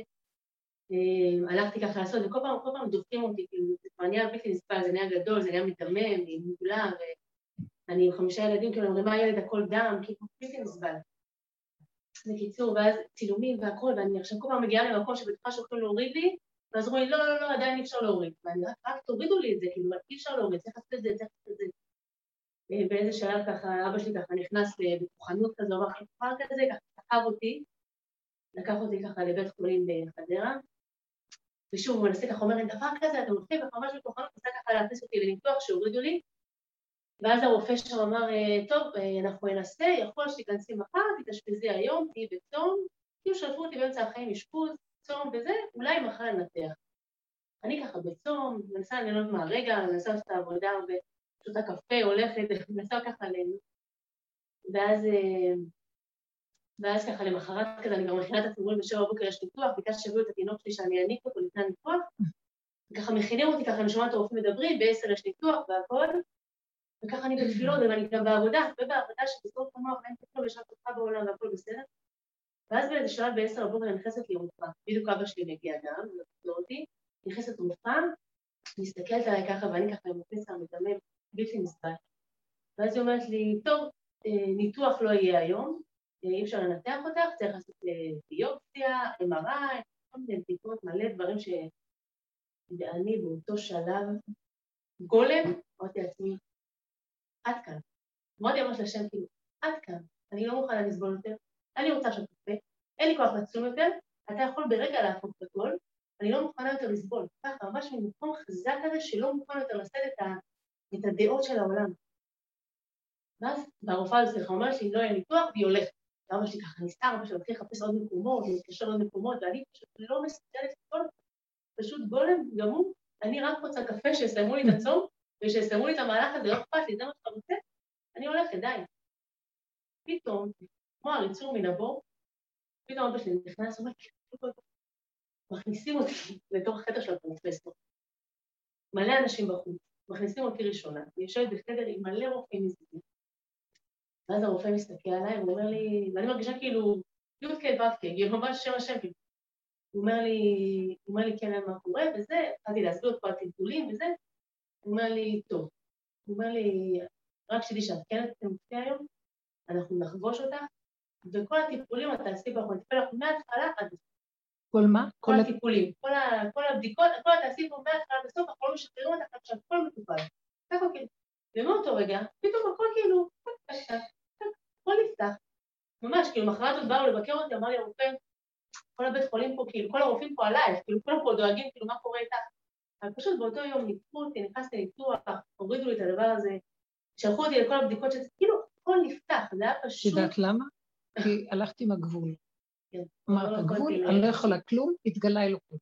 תדעו לכם, כשנוגעים בגבול עד הסוף, אם היינו יודעים להעריך את הגבול. עכשיו, יש כאלה, אצל החבר'ה של רב אושר שעבדו כל כך, שהוא אמר להם שהם בחזקת משיח אצלו. זה אנשים שכל הזמן היו על הגבול. איפה שהם ראו איזה טיפה של פגם, שם הם רצו לגבול של הדבר, התגרו ביצרם, מה שנקרא, עד הגבול. שם התגלה השם והראה להם יד עוצרת. מה שצריך להיות לי. אז הם ידעו לעבוד עם זה, היה להם את האומץ לחיות עם השלילה ככה. מה שבן אדם אחר אומר, אני לא נכנס לשם. כי מתאבדים כאלה, שהידים, עד הרגע האחרון לא יודע כלום. את אמרת, אני לא אכפת כלום, לא נכנס לתוך סיפור הזה, אני צריכה את מה שאני צריכה, שמתם לב. הדבר הקטן שהגולם הקטן הזה צריך, מה יותר מכוס בפה הרגע מה שאני צריך? לא מעניין אותו כלום, אין לו מוח. של חרדה, של חשבונאות, אולי ככה, לא ככה, כן ככה, אבל ואולי ואם ופן. כלום, כלום, כלום. אבו לנו מה שכרגע, מה שאני צריכה, ולא מעניין אותי יותר כלום. שם התחיל להיפתח טוב. אני ראיתי את זה כמה פעמים, שזה לא יאומן מה שהדבר הזה, אבל גבול אמיתי. גבול אמיתי שכבר די. ואתה לא יכול... אה, תדעו לכם שיש משהו שאנחנו כבר מזמן בגבול הזה. אבל המוח של עץ הדעת זה יסוד האוויר. יש לו הרבה זמן והרבה מקום והרבה חלל פנוי, ואומה פריה לנו לגוע בגבול. ועל כן אנחנו צריכים להיות כל כך חזקים. אכזרי, המלחמה היא כאן אכזרית. הוא אני הוא. זאת אומרת, לא חושבת, לא רוצה לדעת, רוצה להבין, עם הקנאה. אני זוכרת שעברתי השבוע איזה מפגש, אני לא פותחת המוח לרגע, אם לא, אין לי קיום, הוא יהרוג אותי, אני לא נותנת לו. אבל בכל זאת של התאבדות, זהו, ונעלם הדבר. כי זה נחישות שאין לך ברירה. זה, זה בא על כורכך, כאילו, את חיה בנקודה של, יש לך בחירה, נגמרת הבחירה אגב. הגולם אין לו בחירה, הוא גבולי, והיצריות מובילה אותו, והשם אוהב את זה. זה לא יצריות של עץ הדת, שהוא שודד ושם עליה ואז הוא נהיה קרימינל. זה יצריות שהילד נולד איתה, גבולי, קטן, לא יכול. הרצון שיושב לו במוח הפך להיות יצר, זה אותן אותיות. מהצד השני, שהוא בא מהפוך, כמו הישועה של הבן אדם. תמר, מהנקודה שלה, הורידה אור של משיח, תמר ויהודה. זה מהלך שאנחנו בדרך של העבודה, לא כל אחד יבואו, זה רעיונות יפים, כשבאים על בשרנו, אנחנו מרגישים את הגבול הזה, לא יכול, אני לא רוצה. אני כבר, אה, זה מין תחושה כזאת של לחיות או למות, זה לא משנה. זה לא משנה כבר, אין כאן איזה הפסד או משהו, תחושת הפסד. אבל זה רק אחרי שאתה סובל מספיק, הגבול הזה מגיע. זה ברור, כל העבודה שעשינו עכשיו, מה זה סובל מספיק? שם את הפנס, שם את הפנס ורואה ורואה ומתבונן ונוגע וקם ונופל ועוד פעם ועוד פעם במלחמות, זה בעצם וירטואלי. מה כבר איזה איסורים עברנו? אבל ההתבוננות במציאות שלנו, והמוח המלווה אותנו, והרגשות הסותרות, והמאבקים עם עצמנו, והנפש שבדבר,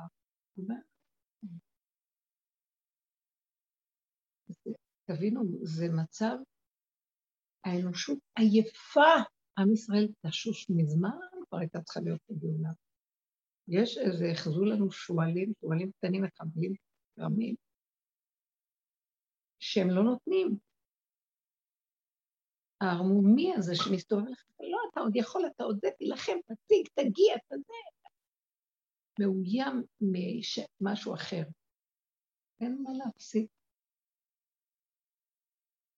ותשחק ליום אחרון, המצב שלה, הסוף. משחקים. אין כלום, רוצה קפה. תקשיבו, כל העולם סביב וכל הסיפור, וזה לא... אין כוח לכלום. נגיע למקום שלא אכפת לנו כלום, ליבי, חלל וקרבי. זה המקום שהדרך מביאה אותנו. לא לא אכפת לי. אני יכולה להגיד לבורא עולם שם, תרדות אתה אחראי לי, אין אין לי כוח, כי זה לא באמת להשם. לדמיון שלי, מה שהשם רוצה ממני שאני ארצה אותו. תשבי בגבול שלך ואני מתגלה. את חושבת עוד שאת צריכה לאיים עליי? אני אעזוב אותך. תבינו, אנחנו מדומיינים נורא, אנחנו עובדים מערכת של דמיון. האלוהות אצלנו היא דמיונית. אנחנו נדבקנו בעבודה זרה, התרבות הזאת היא יסוד של עבודה זרה מאוד. עם כל הנאורות, שהיום לא משתחררים לפסלים ולא כלום, היא באה לך בצורות על גבי צורות, וכולנו בחינה כזאת. האחוזים עם הציפורניים, כמו מדוזה בתוך מציאות החיים והערכים שלהם. משתחווים לממון ולכוח ולהון ולשלטון ולחרדות ולתדמיות. תראי את עם איך? אנחנו אחים יותר מכל העולם, אחוזי פחדים, רצים ראשונים לחיסונים, פה יש לכם בטרפת. כאילו המדינה הקטנה הזאת, יחסית לכל העולם הגדול, היא נטרפת. כן. כי אנחנו אחינו, עם ישראל הכי אכל מעץ הדעת. לכן הוא לקח את האחריות לתקן את, ובדעת שלו, בדעת, אז יש לכן יהודים חכמים ויש להם דעת, לכן גם הם הכי מפחד, כי יש להם מודעות גדולה.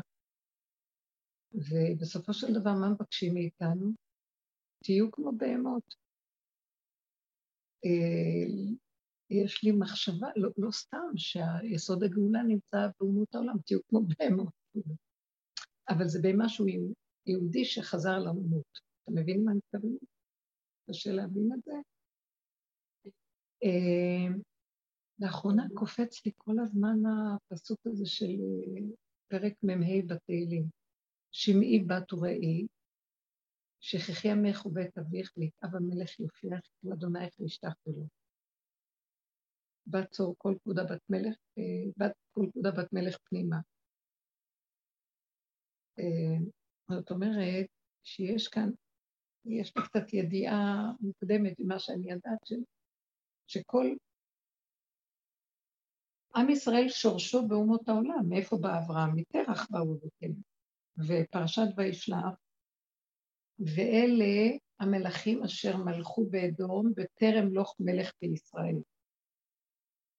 המלכות בישראל שורשה ממלכות אומות העולם. מאיפה בא דוד המלך? ממואב. מלכות מואב. אין מלוכה בישראל. היהודים בתפקידם מבחינת משנה למלך. יוסף הצדיק, סור מרע עשה טוב. העבודה של לקחת את הטוב ולפרק אותו ולהגיע עד למצב של הרע ולהסתכל לו בפנים, היא לא מצויה ביהדות. היא עבודה של אחרית הימים. אליהו הנביא היה אכזר כמו עורב. הוא היה במהלך קשה. הוא ירד למקום הזה, והוא הרבה פעמים מתגלה, הוא בא כערבי, כאילו רציתי להגיד לך שהוא בא תמיד לתחפושת אה, שלו, הוא מתחפש כגוי, כאומות העולם. בסופו של דבר, הש... את מסנוורת אותי עם היופי של הרגליים שלה. צוחקת. אה, בסופו של דבר, היהדות תעשה את העבודה הכי גדולה, ברור של הטוב מהרע בתוך כל תודעת עץ הדת. אבל הגילוי ש... של הפגם, אבן מעשו הבונים הייתה לראש פינה, היא לא ידועה ביהדות, ומבוהלים ממנה ומפחדים ממנה ביהדות. נכון?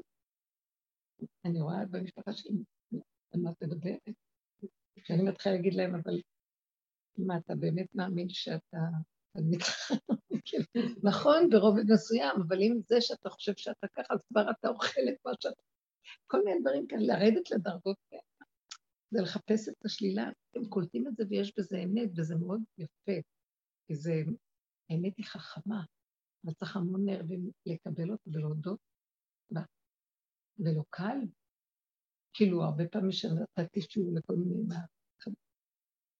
מהשכונה שלי, אז, אז התשובה שתמיד באה לי, אבל לא נצטווינו לזה. כי ביהדות לא מצווים לזה. ואנחנו עושים עבודה של שכחי עמך ובית אביב. לכי למקום של, ששם זה כמו אסתר שנכנסה לבית החשבות. היא חזרה לאומות העולם. אסתר, אסתר שורשה במלכות, היא באה מבית שאול במלכות. אז uh, המקום הזה של להיכנס, לעשות את העבודה של ההתאפקות, בסוף חוזר ליסוד של הבהמה, כאילו, שצריך להישאר בלי שום תחושה של ישות עצמית, משנה למלך שליט בארץ מצרים. Uh, ולהיות כמו דוד המלך, בהמות הייתי עמך, עבד השם, דוד עבד השם. הוא לא אציל בחצר המלך, שר, עבד. זה מהלך של אה, משיח. אני ורוכב על חמור, זה מהלך שהוא אחר, הגאולה צריכה אותו. לכן, דרך אגב, הנוקבה מתאים לתהליך הזה, כי יש לה הנוקבה שורשה במלכות, והיא באה ממואב, רות המואביה, והיא לא, היא יכולה להיכנס לזה ולא להתבלבל. מה שאצל הזכר זה קשה, יש לו תפקיד אחר. בתיקון של התודה. אה, אליהו הנביא גם כן, הוא בא מצד הנוקבה, כאילו, יש מה שנקרא שם בן, מה שנקרא בקבלה. מהמלכות. אז אנחנו עושים עבודה של אה, לחזור, לאבד את החשיבות, את הזכלים הגבוהים, ולחזור למקום הפשוט של הודה באמת, כמו ילד קטן גבולי, אמת לאמיתה. שם מתגלה הבורא עוד פעם מחדש. ואז נקים את המלכות מחדש. מלכות אמת, מלכות השם. אז אה, מה שרציתי לומר, שהשורש של עם ישראל הוא בא מהמקום של אומות העולם, אבל הוא קיבל תפקיד אחר. ואז הוא התבדל. לקראת הסוף נצטרך לחזור לאותם שורשים, ומשם תתגלה המלכות מחדש. אז לכן זה נראה כאילו, זה שונה מהרגע, מההנהגה היהודית הרגילה של הגלות. ואסתר תוכיח שהיא בסוף הצילה את כל עם ישראל. מגילת אסתר זה סוף הדרך, מה שנקרא. שזה, ימי הפורים לא יסופו לדורותם, זאת אומרת, תמיד יישאר, מגילת אסתר תישאר. כל העתידין, הרבה הכתבים להתבטל, מגילת אסתר להתבטל. נשארו חמישה חומשי תורה ומגילת אסתר. כי יש ביסוד של אה, גילוי המלכות בישראל.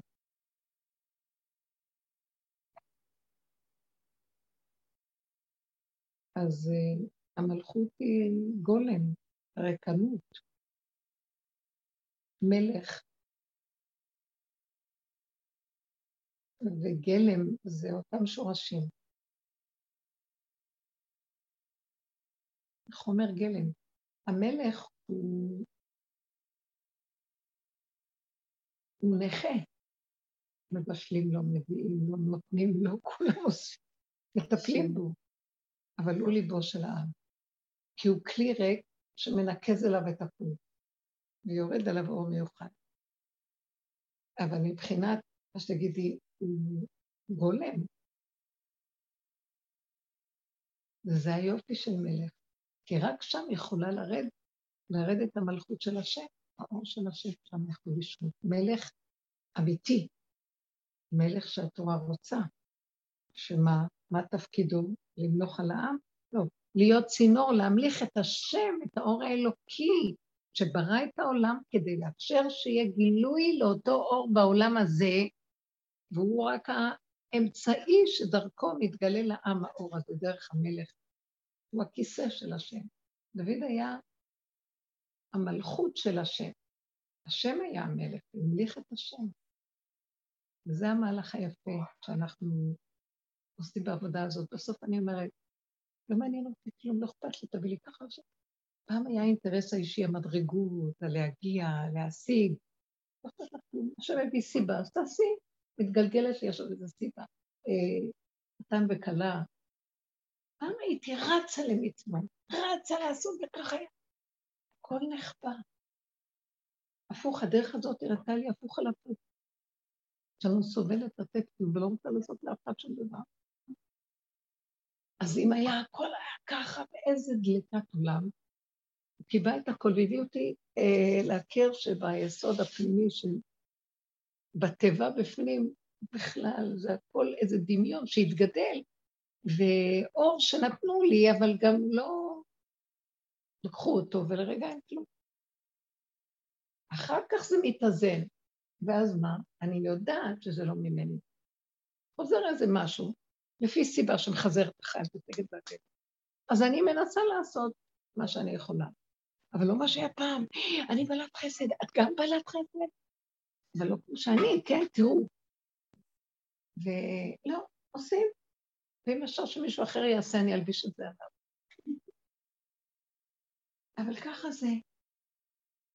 דרך אגב, אני צריכה קצת עזרה, יש חתן בסלם. מה אתם צוחקות? אני צריכה בחמש שבת פלטה מפה אה? לא שלה. לא שלי, יש, זה לא חשוב. אז זה המקום שההתבוננות מביאה אותנו להכיר שבעצם אה, כלום לא שלנו, כמו מלך, זה המלכות, היא ריקה, היא רק מעבירה מפה לשם, ונשאר לפה, עובר דרכה משהו. זהו, עבר דרכך קינה. אסור לך לתת לה ממשות, לחזור להתחלה של השיעור. או עובר איזו מחשבה כזאת. עברה לרגע ויותר לא. אם אני אשתהה עליה, היא בולעת אותי. אני בסכנה. היא בולעת אותי. ממש, ממש, זה הסכנה פה, אבל לפחות אנחנו כבר רואים את זה, שפעם בני אנוש לא רואים את זה, בני אדם לא רואים. עוד מצדיקים למה הם סובלים נורא. ואנחנו, רגע, זה, אבל אין טענה על כלום, אני עצרתי את הכאבים האלה, זה הכל, כאבים העצמיים זה דמיון, גנבה אחת גדולה מה יתונן אדם? מעצמו הוא מתלונן. רעתך תייסרקה. מידיכם הייתה זאת לכם. בפסוק אחר למעצבה תשכבו. אתם מעציבים את עצמכם, יש לכם טענה לבורא, וגם אתם עשיתם את הכלים שלכם לעצמכם, ממני. לא עליי טענתכם. אז הבני אדם החכמים אה, סוגרים מהר, פותחים מהר, ודי, נשמע להתרחש ככה בתוך קוליסטים. אז הנה, זו הנקודה שדיברנו. אם הם רוצים ככה, תעשי ככה, תגנבי את הכל, הכל כאן גנוב, מה את באה לעשות מלחמות צדק? מה קרה לך? אין צדק אין כלום. אין, אין כלום כאן. זו מערכת שהיא מעובדת, לא תוכל לתקון. היה תקופות שהיה צדק חברתי, ועשו כמה, אה, היו הפגנות כאלה, והיו אוהלים של צדק חברתי. זה נפלא ועליו. הכל אינטרסים, הכל גניבה, הכל כלום, אין, זה מערכת אחרת, זה עמוד השיטה וזה. אפילו יש משהו שכשאנחנו יוצאים מזה, מההתרגשות או הדת, הדות הזה, מסתכלים בזכיחות הדת, יש שם משהו כמו פורים, הצגה. אני רואה איך הבורא מסתכל, הוא ברא את כל זה, מזימה מאוד נעלמה. ויש לו שעשועים, זה עולם השעשועים. רק שלא יהיה סבל לבני אדם, זה קצת קשה. כי הסבל נוצר תחושה שמאמינים כל כך בתוכנית. אבל כשמתחילים להסתכל ולצחוק, זה הופך להיות מעניין, זה משחק נחמד, מעניין. כמו שמשחקים באיזה הצגה. עכשיו שמים מסכות, עכשיו מורידים, עכשיו בא השוטר, עכשיו יש... כמו סרט. צחוק. עכשיו תראו, אי אפשר לזלזל. אני לא, אני מרגישה שאני גם לא יכולה לדבר מברוך השלום ולזלזל באנשים שמפוחדים. אני מרחמת ואני שמה מצבה. ואם אני רגע אחשוב מה, אני לא, אני מסכנת את עצמי, זה קטרוג. אנשים מסכנים, אנחנו מסתובבים בתוך עולם, רחמנות, מה את יכולה לעשות? תתפללי שלא ינזקו ושגם את לא תיכנסי לתוך זה מה, כשבא איזה משהו לעולם, אז אלו ואלו. עצם זה שאני מסתכלת עליהם ואומרת, מה אני שונה מהם? בדיוק, מה אתם חושבים? שיש עד סכנה, כולם יכולים... אז הסכנה הכי גדולה זה שאני עוד יעמוד ככה ויעשה, אין הדעת סובלת. זה גם משחק של השם, אנחנו צריכים לרחם על העולם. והוא רוצה אותנו בעולם עכשיו מאוד כדי להתגלות דרכנו, הוא רוצה את הגשמי הקטן הזה, הגולמי, ענקי. או תראו לכם שהגולם יגיד, מי יהיה בכלל? זה לא גולם. שמעת? זה לא גולם. זה ישות גנובה שחושבת שהיא משהו, המשתמשת בגולם כדי להתגאות. שמעתם? כמו שהיינו יושבים בחצר של רב אושר בספסל, וכל אחד היה מנסה להראות כמה הוא יותר מבוטל מהשני. כי זה היה העניין שם, האיש הוא היה להיות מבוטל. אני יותר מבוטל.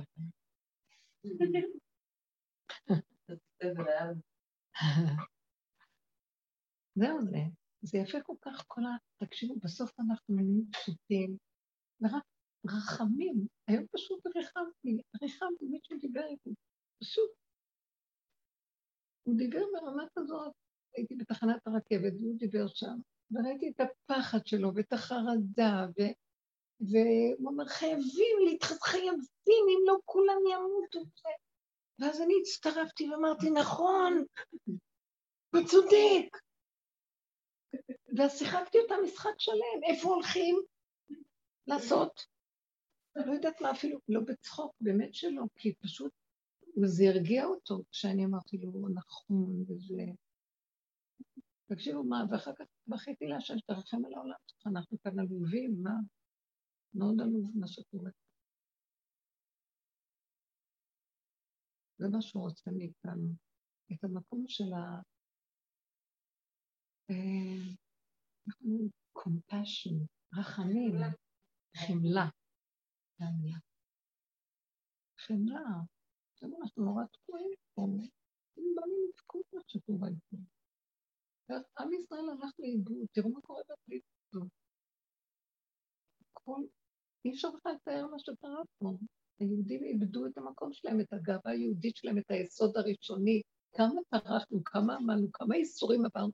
באים לפה ואנחנו עלובים כל כך, לא יודעים מי אנחנו. אין לנו ערך. הגולם יש לו ערך בגולם שלו, כי הוא יודע את הלא שלו. כל, מרוב כן, תרבות נאורה, הלכנו לאיבוד. לא יודעים את הגבול. לא, לא יכולים במדינה כזאת להיות גם זה וגם זה וגם זה, לא יכול להיות. כי ככה שם ברא בעולם. הגולם יודע להגיד את הלא. אני לא יכול. ואנחנו כאן לא יודעים להגיד לא. לא, גם זה יהיה כאן, וגם זה, וגם אפשר את זה, וגם את זה, וגם זה, וגם חרבון הדחפת. הכל נחרב פה כבר. אין כאן בכלל שואה, אתם לא רואים זה, לא יכול להיות. יושב ברא טבע, וברא סדרים. אי אפשר לשים את זה ואת זה ביחד, שור וחמור, באבוס יחדיו, ולהגיד שוויון. לא יכול להיות. זה דור, דורות סבלו, מתו, התענו, מסרו את חייהם על משהו, והוא מלחך עפר ואדמה. איך אפשר לשים את שניהם ולהגיד שוויון? התאגדו כאן איזו שיטה באה משונה. אז איבדנו את הערך, איבדנו את הכול, אין מה לדבר, רק רחמים, רק רחמים. מה רחמים מאז? איך? לא, אני כבר... כן. לא, כי ברגע שאתה מרחם, הוא באמת כומר, אז את הכלי שלך. ממש, מתגלה השם. דרך אגב, הרחמים שמתגלים בנו זה הגילוי שלו. ונתן לך רחמים וריחמך. כי הגולם אין לו כלום מעצמו. גולם, כאילו יש לו איזו מידה של ניכור מסוים. אבל שמה מתגלה השם, והוא נותן את הרחמים. ככל שתרגישו שמלווה אתכם חמלה, ואיזה צער שמביא תפילה, זה גילוי השם בתוכנו. אז תיתנו את הגולם. אל תתעסקו, אל תיתנו למוח לגנוב את הישות הזאת ולהתחיל. נגמרו כבר העבודות השונות, נגמרו השיטות השונות, מלשון שטות של עץ הדת, מודעויות, עבודות הנפש, גם הנפש נגמרה. זה בור בלי תחתית, לא יודעים בכלל הסוף שלה, זה, זה דבילי הנפש הזאת, היא לא תיגמר עלינו. לא צריך הגולם בריא, נקי, לא יכול, זה הגבול שלי, שלום מוחלט, תביא לי קפה, שלום. שם נכנס הבור. כי זו האמת. בלי כל הקשקוש והחשפוש והפשטוש. וזהו, ונלך לישון, כי כבר מאוחר לילה, לא? צריך לישון? בוא לא.